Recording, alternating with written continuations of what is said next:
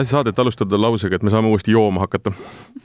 lõpuks aga mm, Vala välja saade, äh, kolmekümne teine järjekorranumbrilt ja täna me hakkame rääkima sellisel põneval teemal nagu virtuaaldegusteerimised.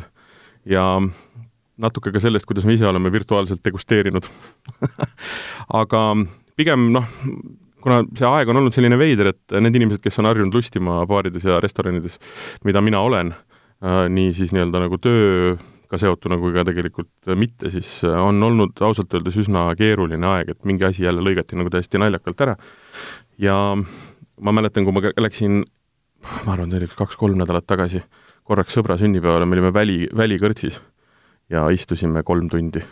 ja see oli lihtsalt nagu jumalik. ma tundsin, kuidas elumahlad tulid tagasi sisse nii et ähm, kui sa ikkagi nii-öelda ühe niisuguse endale olulise asja ikkagi ära jätad või see noh, mitte ei jäta, vaid see lihtsalt võetakse sult jõuga ära, siis see on ikka vastik.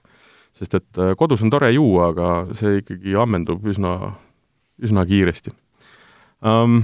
Kuidas sul on läinud, me pidime alustama sellest, et me räägime uh, lihtsalt sellest, kuidas me ise oleme selle koroona ja nagu alkoholi ja veini ja kõikide kokteilide mõistes nagu üle elanud jaa, kuna Liisat meiega täna ei ole, ma, ma nüüd ei tea, kas oleks viisakas kohe ära tutvustada, et kes meil stuudios on, et noh, et nagu ikka, Martin on minu kõrval, mina olen Keiu ja külaline on meil ka Gregor, kellest me räägime kohe-kohe pikemalt, sellepärast et tema on meie eh, peategelane täna, aga jah, olen küll kodus virtuaalselt eh, napsitanud, tähendab, jook ei ole olnud virtuaalne, aga seltskond on olnud virtuaalne Äh, aga Liisa on sel teemal äh, meil saates siiski esindatud, on saatnud meile telegrammi. äkki ma loen selle telegrammi ette kõigepealt? loe ette. siis sa saad senikaua meenutada, kuidas sina täpselt ja mida joonud oled.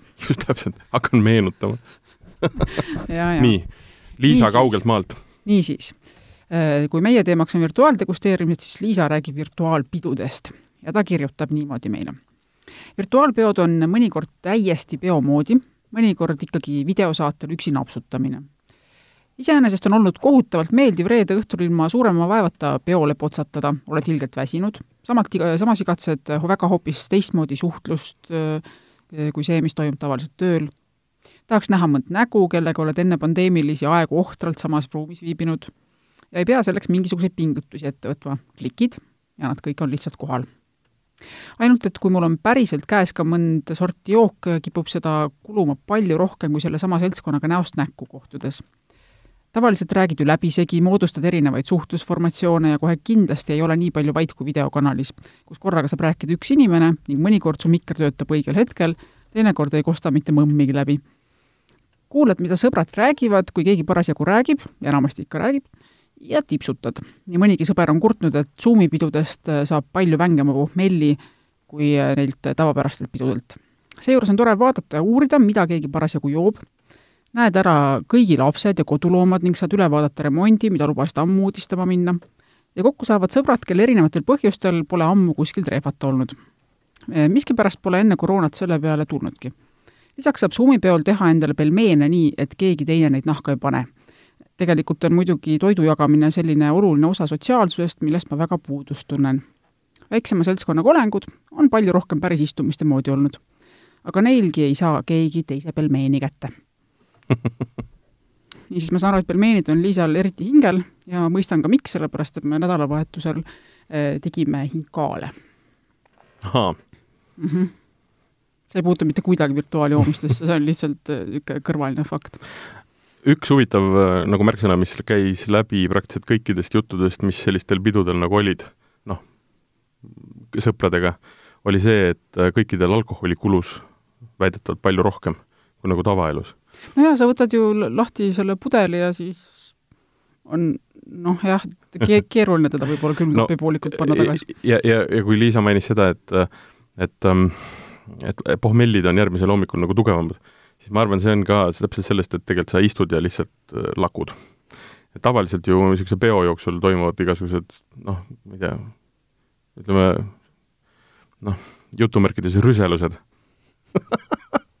no lihtsalt toimub mingi kuskile minek, millegi toimetamine, noh et, et sa lihtsalt liigutad ennast rohkem. siin sa lihtsalt istud ja nagu mõnus davott lihtsalt lahendad seda pudelit. mõtlesin vahepeal läbi lihtsalt, et millised need minu enda virtuaalsed kohtumised alkoholipudeli saatel on olnud. kõige pikem kestis kusjuures seitse tundi. ja niimoodi wow. ka noh, et veini, veini jagus ka selleks ajaks ja, ja järgmisel päeval tõepoolest räägi, mismoodi see välja nägi? noh, see on... Oli plaan või te võtsite lihtsalt nii-öelda eksprompt, hakkas keegi juttu rääkima? mitte ainult plaan, vaid kõigepealt oli plaan B, see, see on küll see tähendab siis küll hoopis vinoteeki, mis minu kodu lähedal ja mis mulle väga meeldib ja kust ma haarasin äh, ühe pudeli valget veini, mida äh, selle vinoteegi pidaja Egon jumala keeli soovitas ja mis tõepoolest oli väga maitsev. ja noh, siis jutud lähevad järjest huvitavamaks ja sügavmõttelisemaks eks ta nii läheb. me tegelikult katsetasime, meil on selline väike eh, veiniseltskond veinikooli ajast ka jäänud, kellega me muidu saame umbes korra kuus kokku, meil on alati mingisugune teema, eh, mida me siis eh, noh, ükskõik, kas see on mingi viinamarja sortide järgi või riikide järgi, mida me katsetame, aga noh, seekord me katsetasime väikse seltskonnaga siis ka virtuaalversiooni, aga noh, see ikka ei ole päris see, kui sa jood seda oma veinikest ja kuuled lihtsalt kellegi teise veinist, aga aga ei saa seda maitsta. no nii palju küll, et, et sain äh, saime siis lihtsalt silma peal hoida, et mida keegi vahepeal teinud on, sellepärast et üks inimene meie hulgas on näiteks ka arst, kes siis koroonahaigetega tegeles mm. ja oli väga huvitav kuulata, aga, aga jah, nagu degusteerimisena minu jaoks ikkagi nagu ei, ei töötanud. aga ma tulen tagasi selle seitsme tunni juurde, kas see oli niimoodi, et oli üks sama seltskond või see seltskond äh, nii-öelda klassikalise peo mõttes ka vahetus? ei, see, see, see, see, see oli konkreetselt kusjuures ühe teise inimesega, see oli Aa. ühe sõbraga, kellega me äh, Äh, niimoodi viime vestlused ikka väga-väga huvitavaks selle veiniseltskonnaga. ühesõnaga, lihtsalt internet oli lahti ja siis ja. te lihtsalt olite üks-ühel, teine teise pool ekraani? ja, seda olen mina ka teinud, aga mitte koroona ajal.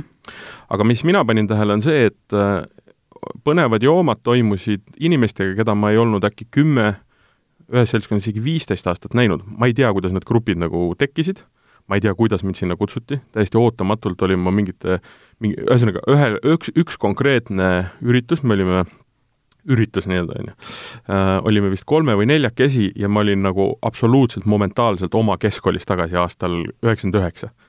Needsamad jutud, needsamad kuradi ma joogid, kõik noh, täi-, täismäng.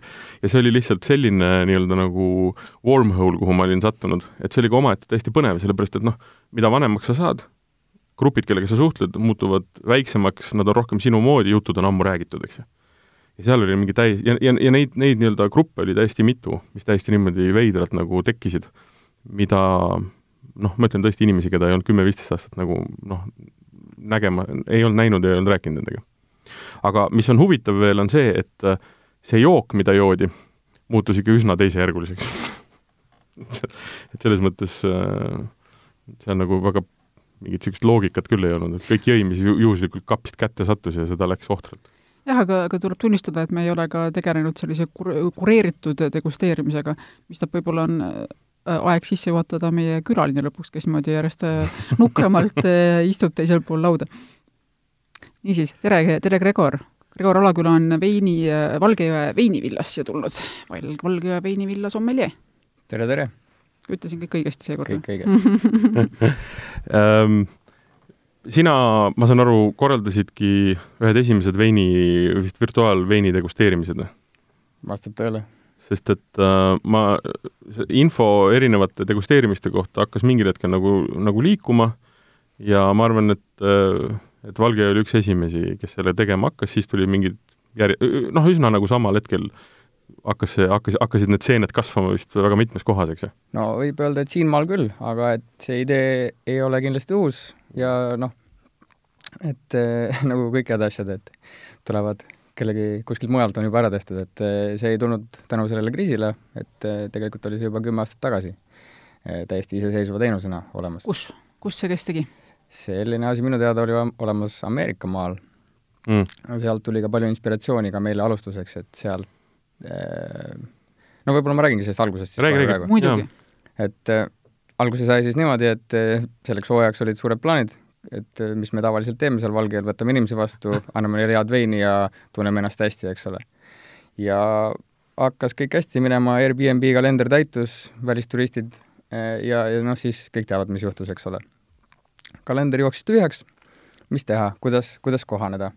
et teie senistes kogemustes kõlas ka nagu läbi, et, et võib-olla tore on nagu virtuaalselt veini juua, aga et see sotsiaalne moment nagu jäi nagu selliseks teistsuguseks, hoopis teine dimensioon, on ju, et et sellepärast öeldaksegi, et on vein sotsiaalne lubrikant, eks ole. Mm -hmm.. ja, ja mis me, mis me siis tegime, et kuna selline videote tegemise mõte oli tegelikult ammu plaanis olnud, mis siis kodus olles, kui oli rohkem aega, sai ka teoks, tegime oma Youtube'i kanali ka, kus rääkisime siis pikemalt veinidest, aga aga just tähed langesid õigesti kokku ja tähtede seis oli õige ja oli tulemas üks webinar just nimelt virtuaaldegustatsioonide korraldamise teemadel. ja see oligi seal, mis ta oli siis, meie märtsi või aprilli paiku, märtsis pigem. ja, ja saime siis õpetussõnu erinevatelt praktikutelt, et mis nad on teinud, mm, kõik rääkisid oma kogemusest mm,, see oli mingi, oota, see oli mingi väljamaa värk, eks ju? see oli Ameerika. põhimõtteliselt, kes teeb Instagramis, kes teeb noh, mis erinevad kanalid, mis on väljakutsed, kui paljule publikule, aga oli näha, et ongi igal majal küllaltki erinev nagu lähenemine asjale, et kas sa teed sellist, kas sa lihtsalt räägid sellest nagu sisust tasuta kõigile inimestele niisama jagamiseks või see on selline mhm, üks-ühele mm -hmm. nagu ikkagi kogemus ja siis kõikide nende seniste praktikute näpunäidete põhjal panime nagu oma programmi kokku aga milli-, milliseks see programm siis sai? see programm sai selliseks, et me mõtlesime, et mis me, mis peab tegema, inimesed enam külas ei käi, mm, mis me tahame. kõige esimene asi, mis me tegime, mis ei olnud selle virtuaaliga seoses, me panime sildi õue. et eh, noh, hämmastav on ju, ei olnud, ei olnud seda varem, et seina peal on, et valge veinivill, aga noh, võib-olla ei viinud kohe inimesed kokku, et siit saab veini, on ju, siis panimegi konkreetselt sildi, et kohalik vein, astuge sisse. või noh, mitte sisse, sisse me kedagi ei tahtnud ja inimesed ise ka ei tahtnud tulla, aga, aga põhimõtteliselt see nägi siis välja niimoodi, et see oli virt-, nii-öelda drive-in eh, veinipood mm. -hmm. et inimene ei pea autost välja tulema, laseb akna alla, seal on nii-öelda menüü on ühe teise auto akna peal ja saab valida, näidata näpuga, saab viipega maksta ja sõita oma teed omale maakoju. ehk siis esimene asi, silt välja, eh, et saab inimestele seda veini ikkagi pakkuda teine asi, kuidas see sotsiaalne dimensioon sinna juurde tuua. sealt hakkaski siis kerima, nägime seda õpetussõnu, webinari, mis teised on teinud, ja mõtlesime, et meie soov on inimestele tutvustada, mida kõike põnevat meil on, milliseid veine. meil on valikus tänasel päeval, ütleme, kaksteist, kolmteist erinevat jooki. ma ütlen jooki, enamus on veinid, aga üks ei ole vein. ja ja tegime siis selle paketi niimoodi pooleks, et ühes degustatsioonis on kuus ühesugust veini, teises paketis kuus teistsugust ja enne esimest korda me veel ei teadnud, et eh, kuidas see nagu vastu võetakse ja niisugust tutvustust ja noh, ongi uus asi uuel maal, on ju, meil on palju selliseid asju, mida me oleme siin esimest korda teinud, nagu üldse noh, veiniturism ja ja põhimõtteliselt iga teise asja kohta saab öelda, et tegime esimest korda, et siis ei teadnud, kuidas see vastu võetakse eh, võtta. ja alguses oligi, et sa saad osta ainult siis kogu selle kuuese degustatsioonipaketi mm -hmm. korraga. Mhm. aga jõudsime üsna kiirelt, saime tagasisidet jõudsime järeldusele, et võib-olla kuus eh, pudelit, eriti kui tollal veel inimesed ei julgenud üksteiselgi külaski käia ja hoidsid hästi mitme meetri kaugusele, et siis noh, üks, ütleme, kuus pudelit ühel õhtul avada ja üksinda lahti teha, noh, see on nüüd palju, eks ole, et see ei ole see kultuurse tarbimise ots. ja tegime siis võimaluse, et saab osaleda ka kahega ja ka neljaga. nüüd välismaa kogemus räägib seda, et kui sul on väiksemad pudelid, siis loomulikult see aitab, et sa saad degustatsiooni koguseid jagada aga kohe see, kui sai natuke väiksemaid koguseid võtta, oli, läks palju paremini peale. ja siis see noh, ma arvan, et see variant tõestas ennast sellepärast, et tekkis hästi palju selliseid fänne, kes osalesid ühel korral ja osalesid ka veel kahel järgmisel korral. et kuigi nad olid ühte, ühe, ühe seti lugu nii-öelda korra juba kuulnud mm, -hmm. osalesid ka kolmandal kordal sama seti maitsmisel, sellepärast et alati oli jutud olid uued aga kuidas see füüsiliselt välja nägi, sina olid siis see ei näinud füüsiliselt välja oma..., see nägi virtuaalselt välja. no jaa, aga ta kuskil pidi füüsiliselt olema, eks ju.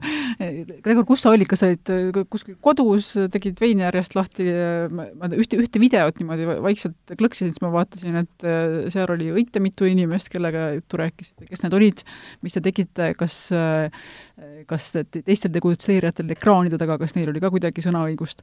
Jaa, see oli väga lihtne, me tegime kolm lihtsat sammu, üks asi, et lähed meie poe kodulehele ja valid välja nende veinikirjelduste põhjal selle paketi, mis sulle meeldib. siis äh, kuller või toimetab selle sulle kas kontaktivabalt koju, moesõna, või siis pakiautomaati, noh, mis iganes. ja siis õigel õhtul saatsime Zoomi lingi, katsetasime ka erinevaid platvorme, aga Zoomis siis, et, et näeks seda degusteerijate pilti ka et tellid veinid, tulevad sulle koju ja siis õigel õhtul teeme lingi lahti, on videosild olemas ja hakkame koos maitsma oli lubatud, et ütleme, poolteist tundi kuni kaks tundi see kestab ja mina olin siis valge jõel meil veinitalus ja olin pannud oma telefoni selfie kepi otsa. et ma ei peaks seda käega niimoodi hoidma ja saaks samal ajal nagu majandada. ja kui õhtu algas, tutvustasin ära, mis me tegema hakkame, et mis veinid on plaanis ja tegime kindlasti ka tutvustusringi, sest et äh, nüüd selle kogu kogemuse juures äh, ma hakkangi järjest välja tooma asju, et kuidas see siis võib-olla virtuaaldegusteerimine erineb tavalisest degustatsioonist, kui te tuleksite külla ja noh, sotsiaalne kõik on ennast võib-olla üles löönud, on ju, esimesel korral osalesid ka, ma tean, kolm ajakirjanikku, kes kirjutasid selle, sellest ka väga meeleoluka -hmm. artikli ajalehte, et äh, kuhu nad kirjutasid, et saaks lugeda? kirjutasid äh, Arterisse, loo pealkirjaks sai, et kuidas ennast üksinda kogemata purju juua. aga, aga see oli kindlasti väga meeleolukas e,. igatahes, et kõigepealt, kui õhtu algas, tutvustasin ära, et mis veinid on ja uurisime siis inimeste käest, et mis neil on täna plaanis maitsta, sest et siis, kuna neil oli ju erinevad, erinev hulk veine kodus, siis kõik ei maitse kõiki ka võib-olla, et kuulavad kõigepealt juttu ära, mõtlevad, kas seda on mõtet maitsta ja siis alles avavad mm,. tegime tutvusringi ära, kes on mis, kes on tulnud kust, mis kogemus on ja niisugune, niisugune tavapärane. ja mina ma segan vahele, see ei ole tavapärane tegelikult ma tahtsin tegelikult just jõuda tegelikult enne, kui sa ise seda rääkima hakkasid, et kuidas see sotsiaalne pool just oli, et kas inimesed olid piisavalt nagu altid omavahel ka suhtlema, sest ma olen olnud kahes-kolmes kogemuses Zoomis, kus tegelikult on palju inimesi teisel pool toru ja no ikka kolm inimest räägib, ülejäänud on vakka. no üks õppetund oli see, et äh, pärast teist korda tuli reegel teha, et kõigil on mikrofon müüdi peal, kui nad ei jutusta, sest et eriti pärast esimest veini kohe hakkab see jutt seal liiga paljuks minema ja noh, hakkab seda pilti segama, et kui tahad seda salvestust hiljem järgi vaadata yeah. aga ikkagi see oli, see, nojah, ütleme, et see tutvustamise osa oli siis selles mõttes teistmoodi, aga see oli kindlasti oluline, et sa tunned nagu vabalt ennast, et kui on võõras inimene samas videochatis sinuga, siis noh, mine tea, kes see on, võib-olla vaatab, teeb sinust pilti ja et mis sa seal rumalat juttu räägid. ehk siis tutvusime, lõime niisuguse usaldusliku suhte, ma loodan, ja hakkasime minema. Mm, rääkisin, siis võtsin esimese veini ette, rääkisin kõik, mis sellest veinist eh, nagu rääkida on, kuidas ta maitseb, eh, mõne, enamasti jõudsime ka toidu sobivustest lühidalt rääkida, ja järgmine etapp oli siis see, et eh, läksin õue ekskursioonile. et see oli juba see aeg, kui hakkas valgemaks minema et õhtul ta tavaliselt algas, et näitasin seda marjapõldu, mis meil seal on, käisin sellega jõe ääres, käisin silla peal, näitasin kauneid vaateid, et, et kui kunagi, kui eriolukord läbi on, et siis mm -hmm. needsamad maitsjad saaks siis tulla seda külla ja seda päriselt nautida. vot järgmiseks äh, tuur jätkus, läksime veinikotta, ehk siis põhimõtteliselt sama experience, nagu ta saaks kohapeal olles, et samamoodi mm, -hmm, et mhm, inimesed -hmm. tulevad, maitseme, teeme tuuri ja kõik see, aga lihtsalt virtuaalselt sa oled oma kodus, sul on dressid või siis kui tahad ennast üles lüüa, naised olid ennast ka, noh, kuna oli jälle põhjus midagi ennast teistmoodi teha, et siis olid just nimelt otsinud reede õhtu puhul paremad riided selga ja mitte ainult naised, mehed ka muidugi aga et äh, andsime nagu põhjust. aga millise kogemusega need inimesed olid, kui nad äh, lühidalt tutvustasid, olid nad äh, algajad või pigem nad ikkagi juba teadsid, millega tegemist ja kuidas degusteerimine muidu käib? Oli lahe see, et oli väga erineva taustaga inimesi, et oligi, kes olid juba meie fännid ja lihtsalt lasid uue vormiga seda kogemust ja oli selliseid, kes olid ka täiesti võõrad, lihtsalt olid näinud, et oo, põnev asi, tahaks oma reede õhtut teistmoodi nagu sisustada ja siis see oligi selle universaalne kogemus, et ei rääkinud nagu liiga spetsiifiliselt, ei rääkinud liiga üldiselt, et et kõik saaks midagi. ja tuur jätkus siis äh, tootmisruumides. et äh, neid, noh, inimesed siis jälgisid kuidas ma rääkisin meie protsessidest, et kuidas see vein siis sinna pudelisse saab, sest et minu meelest see ongi veiniturismi üks põhiline eesmärk ju, et eh, luua see side kliendi ja selle vahel ja põhjendada ära, miks see pudel on just oma hinda väärt. et eh, kui ta läbib vähemalt kaheksa kätepaari, siis alla, alla, alla kaheksa euro see kindlasti kuidagi maksta ei saa, eks ole mm. -hmm. ja rääkisin tootmisest ja siis maitsesime veel natuke ja, ja siis lõpetasin, lõpetasin uuesti alguskohas ja rääkisin kõike, mida meil teha saab ja põhimõtteliselt nii lihtsasti ta käiski. ja tagasiside? tagasiside mm,? ainult positiivne. või vähemalt ei ole julgetud öelda, aga tegelikult see annab mul, mul on eh, põhjust arvata, et see on tõene, sellepärast et tagasisidet ma küsisin ka kohe pärast eh, seda üritust ja lasin inimestel ka veel pärast kirjutada. Et eh, noh, Schwipsis päi kirjutasid. just, et siis on veel, see veel eriti aus, eks ole, sa ütled kõike, mida sa mõtled, on ju. et enamasti kõik inimesed, kes meil nagu tavaliselt külas käivad eh, nii-öelda füüsiliselt enne, enne kriisiaega, et siis eh, ka seal on palju selliseid usku pööramisi alati, et noh, alati see, millega see Eesti vein siin tegeleb tihti, see mainekujundus, et tuleb, peame võitlema selle Nõukogude taagaga natukene kohati, mm, kus tal on veel see natukene negatiivne imidž võib-olla mm, -hmm aga see on siis see koht, kus me alati eh, külastuse käigus inimesed üllatuvad, et Eestis saab teha nii häid, nii lahedaid asju. ja seal virtuaaldegusteerimisel siis samamoodi, et kogemus oli äge, just nimelt eh, ikkagi tõi selle sotsiaalse dimensiooni vähemalt meie ürituse puhul tagasi, et eh, pärast igat veini tegime sellised jutustamisringid jälle, et noh, kui täiesti vait oled, siis võiks olla juba webinar, eks ole, et mina lihtsalt räägin ja ei annagi teistele sõna, aga just nimelt see degustatsioon, et tal on oma kaamera pilt, ja tal on võimalus, et noh, et seal on teine inimene, et videokõnes samamoodi, sa hoopis teine emotsioon, kui sa näed ta nagu nägu ja emotsioone ja ja kuidas mingi asi on, et kui ta võtab seda pihlaka veini ja teeb väga hapu näo, siis ta ei saa öelda, et see nagu väga hea oli. aga aga palju, palju inimesi ühel sellisel äh, maitsmisel oli, osales? See oli? see oli ka üks õppetund, et alguses tegime väiksemalt, ütleme, kuni, kuni kuue, kuni kümne inimesega saab niimoodi mm -hmm. mõnusalt äh, veel jutustada ja sõnu vahetada, sest kui on üle selle, nagu ühel korral oli, ütleme, kakskümmend inimest, äh, siis sõna andmine seal lihtsalt võtab nii palju aega, et ei jõua nagu selle õhtuga, sest noh, kes ikka viitsib üle kahe tunni võib-olla kuulata, et sul on mm, -hmm. sa oled juba veini hakanud jooma, tahad oma juttu rääkida ja noh, nii edasi, et siis liiga suure seltskonnaga võib-olla ei ole mõtet. siit tuli ka üks uus eh, mõiste, et muidu öeldakse perekond ja leibkond, siis seal oli arvutkond oota, ühesõnaga, et alguses tegid suuremalt ja siis läksid väiksemaks või? Eh, seal oligi niimoodi, et no niimoodi mägi, et läks ja, väiksemaks ja. tagasi, et katse ja lahendus. aga kui sa mm, alguses seda nii-öelda virtuaaldegusteerimise webinari kuulasid ja õppisid ja panid kirja, eks ju, et mis sa sealt äh, kõige põhilisemalt nagu teada said, mis oli ka rea-, mis päriselt ka niimoodi oli ja mis oli, mis oli võib-olla eestlaste puhul nagu teistmoodi või, kui oli? kuna need kogemused, mis seal jagati, olid mm. küllaltki erinevad, noh, seal olid tehnilised asjad, et vaata, et õues, kui tuul puhub, et siis ikka mikrofon on ja mm, -hmm. ja, ja see, need asjad nagu tulid praktika käigus välja, et sa kuuleksid ja, oma telefonist heli, paned kõlari juurde ja mm. aga mingit sellist põhimõttelist asja, võib-olla üks õppetund oligi see koguste ja pudelite asi, et enamasti mm -hmm. Ameerikas tehtigi, et saadetakse neli pudelit ja siis see kuidagi on ära lahendatud, et noh, et see on nagu mingi mõistlik kogus, mida avada, paned punni peale ja mõni teine õhtu jätkad või teed kastmeks, on ju.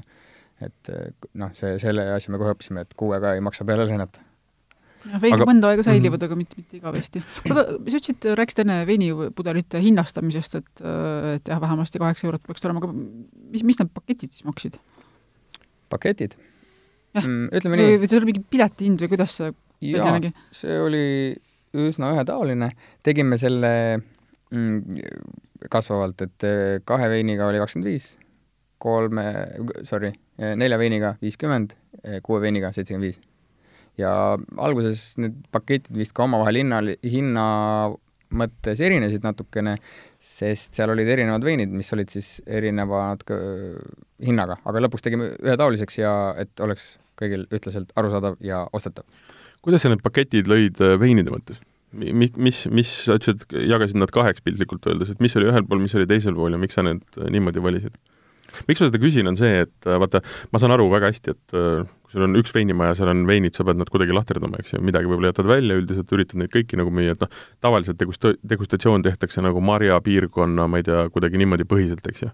et noh, ühes majas ongi võib-olla keeruline seda teha, et, selgita natuke seda ka no hakkame sealt pihta, et eh, nagu ma ütlesin, meil valikus on kaksteist või noh, kolmteist erinevat maitset ja need on kõik nagu üsnagi erinevad, et no vot meil... siin, seda ma tahtsingi öelda. just, et, et kogu see ampluaa on nii-öelda kuivast mullist kuni magusa punaseni, on ju. Mhm.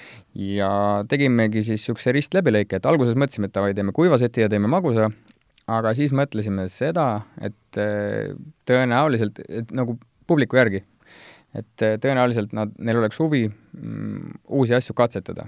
et äh, tegime siis läbilõike, et mõlemas paketis oleks mõlemast nagu läbilõige ja jätkus mõlemasse.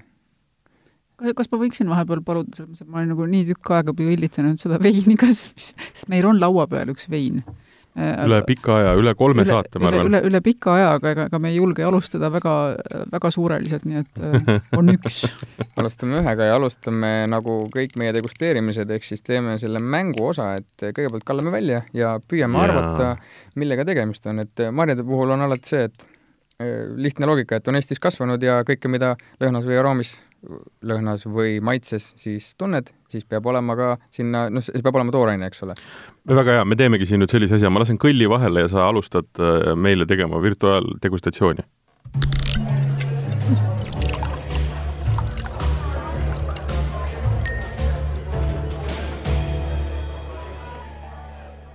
nii, vala välja äh, ja valge ja veinivilla ühine esimene ja ta valab virtuaaldegustatsioon. välja ja ta valab välja. nii, nii tore, mul on hea meel vaadata. issand nii, palun. Gregor hakkab pihta. mina ei hakka, teie hakkate aga kuidas sa tavaliselt tavaliselt, küsid, küsid, küsid inimestelt, et mis see on või?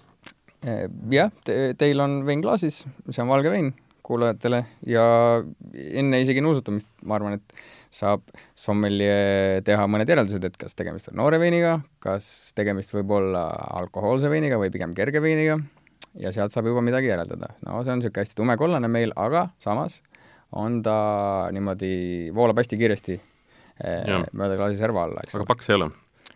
et pigem arvame, et on kerge ja pigem, pigem noor või siis tuleneb see sellest toorainest. nüüd, aga nüüd järgmine ülesanne on teie oma, ehk siis väga happeline. mida tunnete lõhnast?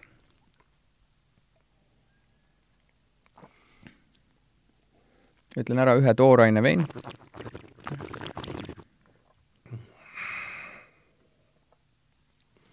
Ja mida tunnete maitsest ja kas need lähevad kokku või nad on erinevad? ütle vahepeal, eh, kas, kas on hea või halb eh, siis, kui maitse läheb lõhnaga kokku? tahtsin, mõtlesin, et sa küsid, kas, ütle ausalt, kas see on hea või halb vein. seda, seda ma kardan, et äh, jah, siis tal ei oleks töökohta enam, ta ütleks, et on halb vein. see, kas ei ole kindlasti halb vein. See, kas läheb kokku, see on nii ja naa, see enamasti ikka inimesed ju eeldavad, et eh, on, tuleb nagu sama asi sealt, on ju, aga see ei ole ei hea ega halb, see lihtsalt on nii, et vahest on ühtmoodi. oota, üks asi, mis on veel äh, Eesti veinide või ütleme, marjaveinide puhul on see, et äh, kui palju me tunneme siis neid marju, eks ju. et noh, mustsõstar, punane sõstar, maasikas, vaarikas, noh, sa nagu instinktiivselt kuidagi juba lapsepõlvest tead, eks ju. Aga siis hakkavad tulema mingisugused leederpuud ja jumal teab mis asjad ja noh, sa lihtsalt ei tea nende aroomi ega, ega maitset ega lõhna, kuna sul lihtsalt ei ole kogemust, on ju. statistika mõttes lugesin üks päev kokku, et alates sellest katsetamise ajast, kui see vein üldse oli hobi, siis meie majas mm -hmm. on tehtud eh, seitsmekümnest erinevast Eestis kasvanud toorainest veini. mis tähendab seda, et äh, nimeta need seitsekümmend toorainet, noh, just, vaarikas, that's it, noh, kaugemale ei jõua. ma vanaema eh, aia käin läbi, jah. Aga ütleme nii, et eh, tegelikult see vein, mis meil on, on täna natuke triki küsimus. ma tahaks öelda, et äh, siin on, tahaks nagu karusmarja. ma enne juba piilusin, nii et ma kardan, Ma et ma ei saa vastata. karusmarja. karusmarja on väga hea pakkumine, ja kuskil all on, on, ma tunnen nagu mingit kapsast. mm -hmm. ka võib aga noh, aga noh, hapendatud äh, lugu, noh, see kapsa aroom tuleb hästi lihtsalt nendest marjadest tegelikult, väga paljude puhul tuleb tegelikult. see ei ole üldse, see on meeldiv. No jälle, ideaaltingimusi võib kaua taga ajada, kas meil on õiged klaasid ja võiks Jah. olla külmem ja nii edasi, aga hakkasid ütlema tikri kohta, see on hea pakkumine, sest et tikri kohta on hea pakkumine, sest eh, see tooraine, mis siin tegelikult on, tihti on sellele väga sarnane. mm -hmm.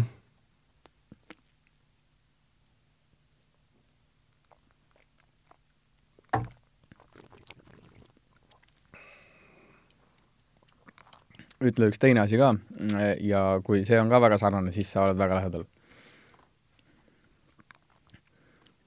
on mari, kasvab puu, põõsas, kas siis on valge või punane sõster see ei ole sõstar, aga see on valge. mm.? kusjuures valge sõstra eh, lõhna ma tunnen siit hoolimata oma no tema värvilt muidugi on natukene natuke tume liiga selleks, jah. just, ma sain oma selle teise pakkumise, vaata ma ütlesin, et kui sa selle Jaa. ka pakud, siis on nagu hästi pakutud, et valge sõstar ja karusmari on sellele toorainele kõige lähedasemad äh, pakkumised ja need annavad oma lõhnas ja maitses just selliseid mm, sellele väga sarnaseid asju. aga ma lasen nüüd viimast korda veel pakkuda ja siis ma pean ütlema ära.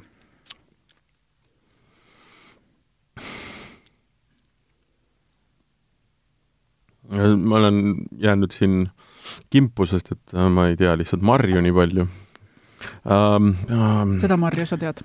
ma, ma jah, ma kindlasti tean, aga mul ei tule see kohe nüüd peaaegu ette. põõsas kasvab hele mari, eks ju? ei ole hele, seda ei ole öeldud, mari. võib ka öelda, et see on puu, aga võib ka öelda, et on põõsas. Fuck, puu on nüüd juba. vahest on puu. mis hetkest ta kurat põõsast puuks kasvas. ma lihtsalt naudin praegu väga nagu, sadistlikult nagu, Martini kannatusi see on nagu see, et tegelikult valge on, no tegelikult teinekord on punane ka ja must vahel ja um,. okei okay,, okei okay,, okei okay., mingi allõtša ta ei ole, kivi ei ole, eks ju, kivi, kiviga kivi ei ole mm. -hmm. tead, ma jään vastuse võlgu, ma lihtsalt äh, olen äh, jah, jah, mind on pandud nagu nii-öelda spotlighti ja mul täitsa närvi ja ma ei, mul ei ole üldse meeles mitte midagi, noh. Davai, siis äh, õige vastus on see, et äh, kui me veinist räägime, siis mm. kõige populaarsem mari on ju viinamari tüng, tüng. see on hea tüng tõesti. Eesti me... veiniga sa lähed alati ju kuskile kuskile teise te,, kuskil ikka puu otsa ühesõnaga. jaa, aga sellega viigimarjad ja no need ei kasva hästi. sellega on tegu meie esimese viinamarja veiniga. ja sordiks on siin Solaris. räägi palun sellest sordist, kas see ongi nüüd see asi, mis äh, siis kar-, karmides tingimustes äh, saab hakkama oma eluga või? just, hübriid, hübriidsort ja mis on just täpselt äh, külma kliimas ennast tõestanud Rootsis, Saksamaal, Poolas, teistes külmades kohtades ja ka meel kasvab väga hästi, üks nendest, mis kasvab väga hästi, meil on neid sorte veel. ja see, meil on viinamarja katsetusi varem ka olnud, mm, et just nimelt, et see maitse tasakaal nagu paika saada. Ja kes meie veine teab, siis teab, et alati see happe ja maitse on nagu väga hästi eh, suhkruga võrreldes nagu omavahel tasakaalus. Ja see on siis see vein, mis meil endale tundus, et tuli ka nagu väga hästi välja. Ja see arvamise moment oli just täna jälle väga lahe, et enamasti kui meie viine, noh, vähemalt mina eh, viin maista, et siis alati pakutakse marju, on ju, et eh, ei tule selle peale kohe, et võiks olla. Aga... räägi natuke seda veini tegemisest ka, selles mõttes, et eh, tu-, tu-, tundub nagu noh, naljakas ta on, aga Eestis tuleb rääkida veinist kui imeloomast siis, kui teda viinamarjast on tehtud ma lihtsalt, ma ei, ma ei julgenud viinamarja juurde minna, sellepärast et ma ei teadnud veel, et ükski nagu väiksem maja on, on Eesti viinamarjast tegelikult nagu pudelisse midagi saanud kasvatatakse, on, oleme saanud maitsta nii-öelda proove ja asju, aga, aga et päris pudelisse on saadud, seda ma lihtsalt ei teadnud, sellepärast ma ei julgenud seda pakkuda. nii et tüng läks täiega asja ette praegu tõesti. jaa, neid eh, teisi tegijaid on meil juba üksjagu siin, et varsti ma arvan, et tuleb juttu meil siin Eesti veinidest, et nendest juba pooltes majades saab eh, maitsta Eestis kasvanud viinamarja veini aga räägi ikkagi no, sellest, kuidas, kuidas, kuidas, kuidas see vein tehti, enne kui me edasi jõuame siit. ja, ja enne kui veel, sa võid mulle törtsu veel valada, sest et äh, see oli hea vein mm. juba otsas või? ma olen, vot ütleme niimoodi, et ma olen, see on see kasvamise lugu, eks ju uh,. ma olen olnud ja mitte skeptiline selles suhtes, et kas marjast saab veini, ma olen olnud pigem skeptiline kas noh, järjest nii-öelda on see skepsis muidugi vähenenud, aga pigem oli küsimus selles, et äh, kas kohe esimeste veinidega on mõtet nagu välja tulla ehk et noh, et äh, tuleb nagu kasvada ja areneda ja Eesti ja, ja, ja, ja tänaseks on ikka enamus jõudnud ikka väga heale tasemele, Eestis on nagu väga häid äh, marjaveine. aga nüüd on minu küsimus jälle sellest, et siiamaani ma ei ole suutnud, ei ole saanud ja noh, nagu sa ütlesid, varsti hakkab tulema, aga siiamaani ei ole tegelikult pudelisse midagi saanud, et kas Eestis kasvanud viinamarjast on võimalik saada väga head veini? pudelist joonud Eesti oled ikka, aga, aga et, et kas see on sa nagu jõuga kasvatad mingit marja, mis siin ei peaks kasvama, eks ju, teed sellest joogi, et kas ta tegelikult jõuab sellele tasemele ähm,, kuhu nii-öelda kolm korda, neli korda, teinekord viis korda odavam nii-öelda Lõuna-Euroopa mingisugune vein, eks ju. ja nüüd peab küsimused meeles nii, ja vasta neile ükshaaval. ei, ei, sa ei pea sellele vastama, see on nii filosoofiline küsimus, et ma olen pigem, see oli, see oli väide, et ma olen skeptiline veel siiamaani aga teil on alati võimalus see kõik nii-öelda ümber lükata. ja mida nad ka kindlasti teevad, sellepärast et äh, noh, ega pude-, ütleme nii, kuidas ma ütlen, seda veini enam pudelisse ei pane, eks ju džinn, džinn pudelisse tagasi ei lähe, et hakatakse, hakatakse ma tahan teada oota..., kuidas see vein tehti, kaua ma pean ja. ootama? Et hakatakse aina paremat viinamarja veini tegema, ma tahtsin seda öelda. Jaa, ma vaidleks su skepsisega või ei vaidleks isegi, vaid äh, arutleks kaasa, et äh, enne veel, kui, kuidas ta pudelisse saab, ma just nimelt mõtlen, et miks, on ju. et äh, mulle tundub, et see on ikkagi nagu orgaaniline areng olnud siiamaani, et kui me selle aasta alguses jälle mainin korraks põgusalt veiniteed, ehk siis veinimajade ühendusse lõime ja tõi, tulime sellega välja, et siis kasvas välja sellest orgaanilisest mõttest, et meid on juba üksjagu ja me peaksime nagu koos seda rääkima, et muidu räägib igaüks eraldi, aga et teeme koos, on ju. ja teine asi, et, et see kliima. et tahad või ei taha, vaata aknast välja, aga kahjuks või õnneks läheb soojemaks, on ju, ja see lihtsalt kasvab siin, et et veini saab teha sellest, mis sul hästi kasvab, sellepärast traditsioonilistes veiniriikides on seda ka mm, Mhm, ammust ajast tehtud mhm. ja nüüd meie veinimaastiku teebki väga palju mitmekesisemaks ja eriliseks just see, et meie tugevus hetkel on puuviljad ja marjad ja kõik see, mis no viinamari ei kasva, eks ju ja nüüd eh, on see mitmekesisem selle tõttu, et meil on ka see, millega nii-öelda mm. -hmm, mm -hmm. noh, suured poisid meiega mängu võtavad, ehk siis viinamari, on ju. et ma ütlengi, et see, see minu skepsis ei ole mitte nagu negatiivne ega, ega selline, et äh, lõpetage, vaid pigem niisugune noh, et, et ähm, minge edasi, teil on veel üllatada vaja. jaa, aga ma lõppu tahtsingi jõuda selle mõttega, et eh, see ei noh, kuna vi- viinamarja, nii-öelda marjavein mm. -hmm. puuvilja marjavein, mis meil siiamaani, nagu ma ütlesin, meie tugevus on, et see iseenesest juba eh, paljud hakkavad seda võrdlema selle nelja-eurose Chardonnay'ga, aga et seda juba iseenesest ei ole mõtet teha ja veel vähem on seda mõtet teha siis selle veel eksklusiivsema kohaliku viinamarjaveiniga, et see on mm. -hmm. omaette kategooria, täiesti omaette klassis. Vot, aga jah, et, et siin ta on, võtke või jätke, eks ole, aga võtame võtame, mm. -hmm. valage välja. meil sai ta pudelisse niimoodi, nagu, nagu ikka vein tehakse, et protsessid on, aga tehakse erinevalt. protsessi etapid on küllaltki samad. mis mõttes erinevalt? no jumala eest, mille, mille peal sa hoiad, kus sees sa hoiad, kaua hoiad? loomulikult jaa mm,. aga no mitte ikkagi niivõrd sü- süstemaatiliselt erinevalt, tulevad marjad mm,, meie puhul siis eh, ostame meie enda kasvatajate käest kokku mm,. tuleb nad purustada, tuleb nendest pressidest kätte saada siis see mahl ja panna käärima. kui me räägime puuviljadest, marjadest, siis alati on reegel see, et tuleb ju juurde lisada suhkrut pärmesuhkur ja suhkur selleks, et saada temast kätte siis see traditsiooniline veinikangus, et noh, me sihime sinna kaheteist kanti, eks ole, tavaliselt. selle veini puhul on tegemist naturaalse käärimisega, ehk siis siia suhkrut ei ole lisatud, täpselt nii, nagu loodus andis. et kui me võrdlemegi võib-olla neid protsessi erinevusi marjaveinide ja viinamarjaveinide puhul, siis eh, noh, traditsioonilistes eh, veiniriikides ongi see, et neid reegleid on niivõrd palju ja põhimõtteliselt nii, nagu loodus annab, nii peab tulema. ei suhkrut eh,, ei vett ega mitte midagi ja, ja marjaveinide puhul võrdluseks on meil enamasti nagu hästi vabad käed, et see annab ka võimaluse meil siis need erinevate aastate partiid teha nagu küllaltki sarnaseks. Et veinimeister otsustab, kas on vaja teha magusamaks, kas on vaja teha kuivamaks, aga selle veini puhul eh, vaatasime, et hoiame selle asja võimalikult naturaalsena. nagu ka meie stiiliks on marjaveinide puhul see, et me maitseid hoiame puhtana sellena, puhtana selle võttega, et me ei lisa vett ehk siis eh, me, me püüame ka jälgida neid nii-öelda võimalikult traditsioonilisi reegleid, aga suhkrut lihtsalt peab lisama. et eh, nii nagu, nii nagu see pressist tuleb, see mahl, niimoodi ta sinna läheb. Et eh, nii, kui on hästi tummine õun sel aastal, palju maitseid, siis tuleb mm. -hmm. eh, tugev, kui tuleb eh, hästi hea aroonia, siis, siis on tummine, palju tanniini, mitu aastat arengut. aga kas seda viinamarja ja mõnda muud veini hoiate kestade peal ka või? Mm, nagu sa näed võib-olla sellest värvist, siis eh, ta ongi natuke nagu tumekollane et eh, siin minu meelest oli kas, kui ma ei eksi, siis päev või pool päeva seepärast ma küsingi, et just. See oksüdatsioon ja, ja niisugune on toimunud, et see on noh, hoopis teine värv, eks ja ju. kus seda saab natuke ja põnev. mis raha eest? kas eh, oksüdatsiooni või? veini Veini., vabandust. ma olen muutunud ülemeelikuks. Te saate aru? veel üks klaas ja Mm. ma ei tea, mis sealt tulema hakkab. kui tohib kohe reklaami teha, siis eh, no tohib. nagu sa kohe ise enne mainisid, juba käis läbi meil siin plaan B.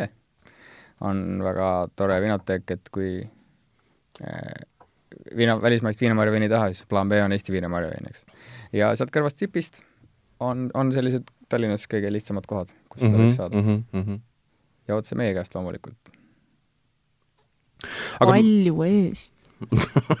see oleneb iga kaupmehe enda sellest eh, teie juures no niisugune keskelt läbi, keskelt läbi aga. meie puhul võib öelda, et see on meie kõige, meie valiku majahindade poolest vähemalt kõige kallim vein mm. -hmm. just nimelt selle poolest, et selle tõttu, et see tooraine on niivõrd eksklusiivne Mhm. ja mm, haruldane ja see protsess on kallis ja see partii on väike ja see ongi mõeldud sellistele eksklusiivsetele kohtadele. muide, täpselt enne kriisi nädal aega käisin päris mitmesse nimekasse kohta pakkumas ja võeti vastu otsused, et läheb sisse. ja siis nädala pärast äh, pandi kõik kohad kinni. paned sa tähele, kuidas ta keerutab selle numbriga? ei taha üldse öelda aga kõige kallim vein jaa äh,, algab number kahega ja lõpeb number nulliga. jaa, ma midagi umbes sellist arvasin. nii palju me pole veel joonud, selle ma panen kokku. ma oleks üheksa, üheksateist pakkunud, jah.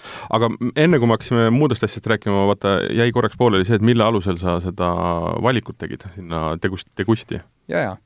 see sai siis nii, et oleks mõlemas paketis võimalikult erinevad, näiteks esimeses paketis mm -hmm. äh, läks esimeseks veiniks mm, meie siis äh, kõige tuntum vein ma-, mis on maailmas võib-olla siis noh, Exceli tabelisse panna kõige, kõige kaugemale jõudnud, kõige kuulsam see mm -hmm. rabarberi vahuvein, see, mis mm -hmm. seda mm -hmm. pakutakse siis Michelini tärniga restoranis eh, Berliinis ja olnud ka kahe tärniga restoranis Mannheimis ja üldse teeb praegu Saksamaal väga head tööd mm. -hmm. kuule, eestlasi on väga palju Berliinis, ütle selle Michelini tärni restorani nimi ka. selle nimi on Nobelhart und Schmutzig. näe, eestlased Berliinis. Äh, raha on ülearu siis minge Michelini tärniga restorani, tellige eestimaist veini. aasta, aasta lõpus saatsin sinna eelmise partii äh, lõppu ära ja kuna see on niivõrd edukaks veiniks osutunud, siis see on üks neist äh, top äh, bestselleritest veinidest, mida me mm -hmm. igal mhm. aastal juurde teeme mm. -hmm. selle tõttu sai ka karantiinis olles siis endale barberi terrassid rajatud sinna Valge jõele mm. -hmm. ehk siis sai see, sai see kuulus vein, mis pakutaksegi mm, seal aperitiivina, sest et ta on niivõrd kõrge happega ja aperit-, nii-öelda värskendav, et pakutakse enne kümnekäigulist degustatsioonimenüüd sellise maitsete puhastajana. ja mm -hmm. see on siis, sobis esimeseks veiniks hästi. teiseks selles paketis tuli meie maja esindusvein, kolmas kõige nii-öelda järg-, järjestuses järgmine kõige kuulsam, populaarsem vein, ehk siis see vein, mida e-, Eesti restoranid kõige rohkem mhm, tellivad mm, -hmm. et siin suvel ongi selline olukord, et põhimõtteliselt iga nädalal tuleb üks vanalinna tuur, kus siis läheb sinna juurde, ehk siis õuna, ebaküdoonia vein. et äh, sellega on siis see lugu, et ma olen viimasel ajal avastanud sellise seaduspära või mm, hakanud seda juttu rääkima, et õuna kohta mulle tundub, et võib öelda, et see on Eesti Chardonnay mm. -hmm mis äh, tähendabki seda, et see on selline mahu, mahu asi, millest hästi palju tehakse, on ajalooliselt ka tehtud, seda ka kasvab kõige rohkem ja seda saab erinevates kombinatsioonides kõigega teha, saab teha puhtalt, kuivalt, magusalt, kuidas iganes, eks ole. ja kui on odav, siis on tüütu või? Noh, maitse asi aga, aga ütleme, et see on nagu hästi universaalne ja just meie see esindusvein on siis äh, saatnud kokku ebagüdooniaga, ebagüdoonia on selline väike vili, kasvab põõsas, hästi hapu, seemnene ja läheb äh, siis, äh, teeb sellest Chardonnay'st justkui riislingu. et seesama Michelini tärniga restorani sommeljee käis siin joogifestivalil ühel aastal ja maitses meie seda valget ja ütles, et selle kohta võib öelda Rheingau Riesling, et just nimelt selline kuiv, et kui keegi pimedalt annaks, petaks ära.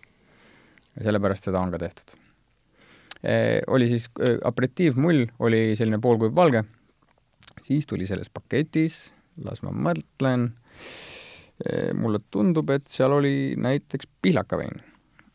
pihlakas e, noorena ei kõlba, kolm aastat pudelis tänaseks äh, oligi täpselt kolm aastat arenenud ja on selline sinihalitusjuustu vein mm, kamina ees mekutamise aperi- äh,, digestiiv, võiks öelda. kusjuures ma ütlen siia vahele ühe kommentaari. see on see, et äh, mul oli üks pudel seda pihlakat. ma tegin selle esimesena lahti ja seda oli ääretult raske juua. praktiliselt võimatu. ja siis ma keerasin talle punni tagasi peale ühte pokaali ja ta oli mul, ma arvan, pool aastat lihtsalt riiulis. ja ma tegin ta lahti üks kuu aega tagasi ja see oli suurepärane vein. ta oli täpselt läbi selle kor-, avatud korgi ja korraks seda nii-öelda õhku saanuna arenes äh, hoopis teiseks asjaks seal pudelis seal sellest hästi tanniinne alguses, eks ju? hästi tanniinne, täiesti niisugune noh, noh, nagu keegi oleks liivapaberiga üle, üle keele tõmmanud, eks ju. aga ta läks niisuguseks malbeks, mõnusaks, väga ilusaks äh, niisuguseks äh, noh, ega, ega, ega ta oma iseloomu lõpuni ei kaotanud, aga ta oli noh, ta oli väga mõnus tõesti? täiesti nõus, niimoodi temaga oligi juhtunud ja mm, -hmm. ja võiks isegi veel hoida, et noh mm -hmm., loogika ongi selles, et temas alguses on nii palju neid eh, looduslikke kestastanniini, eks ole, marja, marjatanniini, et ta lihtsalt äh, ei saa ühel hetkel suus sul hakkama ja tahab olla seal pudelis. aga okei okay,, ma just mõtlen, et, et kas, ähm, kas see ähm, kuna, kuna ütleme, need marjaveinid on üsna tigedad, on ju siis kas, äh, kas ütleme, noh, sa ütlesid ka, et kuus pudelit oli nagu liiga palju natukene, eks ju. et tegelikult äh, mit-, mit-, ma küsin niimoodi, mitu degustatsiooni sa tegid ja, ja kas sa siis kuhu sa liikusid edasi, ma saan aru, alguses sul oli nagu pool ja pool, jagasid lihtsalt kuidagi ja, ja aga kuidas no, see edasi läks? ma saan aru, et, et veine räägiti ikka sama palju, lihtsalt inimesed sama võisid, või, või, võisid ühineda seal väiksema okei, kogusega okei. et ei pidanud kõiki nii-öelda, õigesti aru? okei, okei. ei, valik jäi samaks jaa, ja, ja, Jaa. ja siis lihtsalt erinev publik, publik nagu vahetus. ja oli ka, nagu ma ütlesin, et oli ka neid, kes eh, avastasid, et tahtsid seda eh, samade veinidega uuesti proovida mm Mhm. -hmm. ja lihtsalt eh, uusi jutte kuulata, sest et eh, üks õppetund veel oli, et ei tohi liiga vara inimesteni seda veini toimetada, sest et Pitbergi korral juhtus seda, et enne päeva inimesed ütlesid mulle, et see on otsas juba, et too uus ja oli ka kordustellimusi. no see on ju ap-, aplaus nii-öelda veinile, eks no ju. just, ja, ja Mhm. oli ka neid juhtumeid, et noh, kriitiline asi, et see ikka mit-, mujale kui Tallinnasse jõuaks kohale ilusti kulleri või postiga, et siis mm Mhm, -hmm, võimalikult varakult. et planeerimist. Aga mitu degustatsiooni sa tegid virtuaalselt? jõudsime teha neli. jõudsid teha neli äh, kas nüüd on selleks, sellega kõik või, või on lootust, et veel Jah. tulevikus mis edasi saab? järgmine avastus oli see, et see on täiesti teenus omaette. Mhm. et nagu ma ütlesin, et see oli juba kümme aastat tagasi Ameerikas olemas ja tihotavalt noh, mingi vajaduse tõttu ta oli tekkinud, et kas ei saa või ei taha või siis on väga kauges maailma otsus, et sellega annab ju teha äh, üritusi ja selliseid äh, demosid ka täiesti välismaalastele, et kui oleks väiksed demopudelid, ma võin nüüd saata kuhugi restorani ja rääkida seda juurde, on ju, et noh, seal on, see on ainult üks vähestest võimalustest, et neid aga konkreetseid plaane? võimalusi on palju. tänases ajakavas see järgmist korda veel ei ole, aga see on teenuste portfelli ja teenuste lehele kindlasti lisatud, et see võimalus on tellida endale näiteks eri, eraüritus, sest Mhm. et noh, kõik kohe ju meil tänasest või eilsest ei torma välja eh, meeskonnaga üritusi tegema, et siis see võimalus on olemas. Oota, me eelmises saates rääkisime ka seda, et mis on, ütleme, selle koroona ja meie valdkonna, siis joogi- või toiduvaldkonna, selle valdkonna nii-öelda boonus äh,. ongi seesama, et see virtuaalne mingite asjade tegemine ei ole enam niisugune, et ah, vastik, ei ole võimalik. ehk et ta on täiesti adekvaatselt, jah, loomulikult saame kokku ja joome veini, see on noh, ei seda, selle vastu ei saa never, on ju. aga et ta on täiesti okei okay viis, kuidas neid asju lahendada ja täpselt seesama loogika, et sa äh, oledki eestlane Berliinis, eestlane Brasiilias, San Paulos näiteks või kus iganes, ja sa tahad teha grupiga mingisuguse ürituse või sa saad saata konkreetselt seda mingisugust äh, noh, saadki luua äh, noh, üle nii-öelda maailma mingisuguse grupi, kes hakkab äh, sa- saab nii-öelda veini maitsta ja, ja, ja saavad sinna juurde ka nagu teadmist. pluss, mis on veel oluline, mida sa ise ka mainisid, on see, et tegelikult on see ka tegelikult müügi ju argument. ehk et äh, saadad restorani kohale ja läbi Zoomi teeme kuradi kõik asjad selgeks, sa ei pea enam ise lendama kuskile ja tegelikult see võib avada ka täiesti uusi nii-öelda teid äh, restoranidesse, eks ju. et ma arvan, see on noh, kindlasti, kindlasti ei saa ta populaarsemaks, kui sinna veinivillasse kohale sõita, eks ju, või ka üleüldse inimestel kogunemine ja, ja veini maitsmine, aga ta on täiesti adekvaatne nagu, nagu alternatiiv. kuigi see võiks töötada just nimelt niimoodi, et tänu sellele nad siis sobivadki kohale tulla ja seda ise oma silmaga näha. nojah, muidugi, aga kuskilt peab alustama, eks ju, et võib-olla kohe ei viitsi, et siis teed virtuaal-, täpselt, jah. nii, suurepärane. meil on üks boonusteema ka. see on äh, jällegi Liisa suurel palvel, kes äh, kas ma nüüd ütlen siis jah, koroona ajal on ta avastanud äh, nagu kõik teised eestlased või üle maailma inimesed, et ei saa me läbi desota. niisiis on temalt meil ka teine läkitus äh,, mis on desovahenditest. Loen ette, vaatan, vaatan, kuidas see veinine suu diktsiooniga, diktsiooniga kõnetab. niisiis, telegramm Liisalt, desovahendid. muidugi, joogisaade ei tähenda ainult alkoholi, aga samas on see üks alkoholi serveerimisviis, mida me pole keegi ilmselt mitte kunagi varem nii sageli kohanud. lisaks toimub baaridele omane suhtlus võhivõõrastega nüüd desovahendi pumba järjekorras kaks pluss kaks reegleid järgides. Liisat väga huvitab muidugi, kuidas meil sellega on, nii et pärast küsin. Liisa ütleb, tunnen, et minust saab vaikselt konnoissöör. olen paar nädalat kodukontorist väljas ning mu väikesed käekesed kohtuvad nädalas kindlasti kümnete erinevate desovahenditega millised aroomid, kui varieeruv viskoossus, elamus igasse päeva. üks pärast om-, päris omapärane toode on Superministeeriumis pakutav Eestis toodetud, ma ei tea isegi, kuidas täheldada, tuuja desinfitseerimiskeel, mis konsistentsilt keeli ei meenuta ja aroomi poolest viib su kohe kuhugi Lõuna-Eestisse, tuled saunast ja peremees teatab, et äh, naaber siin ajab kärakat kah korralik puskari aroom, aga mitte otseselt halva puskari, lihtsalt äh, kell kaksteist võib-olla veel ei ihalda sellist napsi. ma ei suuda tegelikult otsustada, kas just sobiv kriisipressikate, kas just sobiv kriisipressikatena ja istub seal pressikonverentsidel. pressikate kõrvale või peaks sinna mingeid muid aroome soovitama. tuuja on seejuures elupuu nädalavahetusel sain kätele hõõrudaga Go Clean OÜ desovahendit, mille peale mu poodlemiskaaslane teatas kohe, et see lõhnab täpselt nagu reis Gruusiasse. silme ette tulid mägiteed ja kuskil suure kivi kõrval minivaatamisväärsuse lähedal lahtiselt müüdav tšatša. ostad vähemalt pool liitrit, enamasti plastpudelisse ja hakkad kohe oma sõiduvahendi tagaistmel degusteerima. tee on käänuline, tšatša leige. Last but not least Balti jaama Selveris sai nädalavahetusel käsi hõõruda tootega, mis lõhnas selgelt nagu vana Tallinn. pudel oli muidu eh, vana hea Chemi-Farmi sinise sildiga valge pumbalähker, aga sisu tekitas küsimuse, kas käimas on vana Tallinna viina tulusam turundamine, mis koostust oli vähevõitu, aga aroom vägagi tummine. Kuigi iseenesest hindan kõrgelt keeliat ja niisutavat muljet jätvaid desovahendeid, tuleb öelda, et see vana Tallinn on siiani lemmik aju ei osanud seda kohe ära tabadagi seejuures, sest äh, nagu Vana-Tallinna viina puhul, on ka see vedelik ju läbipaistev ja mitte kleepuv. olin kindel, et aroomis on rummi, tsitrust, vanilli, muudkui patsutasin käsi ja tõmbasin ninaga ning ühel hetkel koitis. Vana-Tallinn, mis Vana-Tallinn. eraldi küsimus on, miks pole desovahenditel korralikku koostisosade loetelu? tööl on, äh, tööl on mu laual näiteks selline, kus kirjas on vaid alkoholiprotsent, ja see on kaunis. aga need sisaldavad üldiselt ohtralt sellist kraami, mida tarbida ei tasu. kas see on selline toode, kus pole kohustust koostisosi loetleda või on asi selles, et paljud tootjad sukeldusid uisapäisa desovahendite maailma ja neil puuduvad korralikud etiketid? Liisa palub siinkohal vastuseid, ma arvan, et meilt ta neid ei saa, aga kuskilt ju võiks. ja siis tahab ta teada kas teie olete viimastel kuudel alkoholi tarvitanud rohkem läbi naha või rohkem suukaudselt, ma arvan, et selle peale võiks ka kõik kuulajad mõelda. olen täiesti kindel, et minust on saanud nahkpummeldaja kõikide nahktoitujate oh, kõrvale. ja, ja, ja, ja, ja, ja, ja veelgi lõpp, milline on teie lemmik desovahend, palun mõelge nüüd, ja kas keegi viirusbakterite vastast tood-, toodet on kohanud? sest vahepeal lõi Facebookis selline väga õudses sõnastuses reklaamlaineid.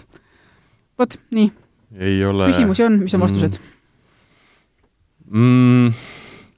no kui õue minna, siis äh, poes ikka teed äh, sisse minnes ja välja minnes ja vahepeal käed puhtaks selle õudsa vahendiga. nagu elamusi äh,? ma mäletan ühte Eesti Kaubanduskeskusse minnes, õigemini toidupoodi minnes, mille nime ma ei hakka ütlema, siis esimesel korral ma mäletan käsi pestes käed haisesid äädika järgi.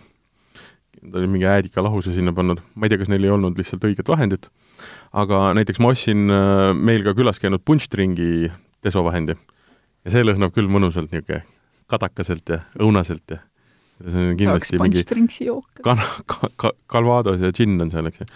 ja siis üks äh, desovahend, seda, seda nii-öelda sauna taga aetud käraka lõhna on nagu väga paljudes olnud, jah. see oli vist esimesi kordi, kus käid ja haised nagu tõhk ja siis kõik on nagu, et mm -hmm, väga tubli, jäl-, jälgid sotsiaalseid norme. Gregor, kuidas sul on? Mulle meenub see, et kui see viirus veel meie maale polnud jõudnud, siis liikus müüt, et äh, alkohol aitab just nagu seespidiselt äh, ka selle vastu profülaktiliselt ja siis paljud niimoodi pool naljaga või pool tõe pähe võttes seda nagu harrastasid, aga ma no, loodan, et see ikkagi äh, lõppes sellega, et inimesed, inimestel oli kodus olles rohkem aega süveneda sellesse, mida nad tarbivad ehk siis eh, panustada nagu kvaliteedile, süveneda just nimelt selle sildi peale, et mis seal kirjas on, mis seal sees on, ja kui vahepeal tekkis oht, et et kaubad ei liigu ja piirid on kinni ja Prantsuse veini enam varsti ei saa, et siis liikus ka sinna kodumaise poole, et et hakati nagu rohkem kodumaist eelistama, aga desovahenditega endal kogemus on selline, et jälle, defitsiit tekkis hetkeks kõik rabasid poest kõik maskid ja desovahendid ära ja siis üks päev oli kiirem, et tahaks eh, nagu desinfitseerida, mis ma teen? kodus tegin paari kappi lahti, leidsin sealt tagumisest nurgast ühe kahtlase rohelise vedeliku, seal oli üheksakümmend protsenti peal ja sai sinna spreipudelisse pandud ja sel hetkel, kui ma käed sellega kokku tegin, siis need käed kleepusid, aga vähemalt oli süda rahul, et, et on vähemalt kõik eh, puhas ja tapetud nojah. Väga kena, tõmbame otsad kokku vaikselt või? tõmbame otsad kokku. ma mõtlen, kas me, kas me saame midagi reklaamida, sa mainisid Youtube'i kanalit äh, Veinivilla Official äh, on see, saan ma õigesti aru, ma vahepeal siin guugeldasin, ja, ja loomulikult tasub reklaamida Eesti veiniteed, mida ilmselgelt siis ei moodusta mitte Valge Veinivilla üksinda, vaid kus on terve hulk igasuguseid äh, erinevaid Eesti veinitalusid, mis issand, tahaks ise kohe mis tasub suvel kõik läbi käia. veinikeldrid, veinimõisad, siidritalu, viinavabrik, issand jumal. kusjuures, kusjuures see on hea plaan, me võtame, me võtame selle konkreetse asja üheks saate teemaks, me räägime sellest veel. kas, kas me, kas me võiks lihtsalt Lähme ja, ja, ja saadet pole vaja teha, mul nii, okay. ala välja kolmkümmend kaks on saanud sellega tehtud. Äh, Gregor, aitäh! aitäh! oli väga lõbus. hoidke silm peal, virtuaaldegusteerimised toimuvad veel nii nende majas kui ka tegelikult ka muudes kohtades. võib-olla Äh, puhastage käsi, äh, lõhnage hästi. Keiu, sul on midagi öelda veel? ei, mul on hästi tšau-pakaa ja musipüksi või nii? aju, õh. rõve on ju? kuule, pane see, see kõll siis midagi ilusat lõpus. ütle midagi ilusat romantilist uh,.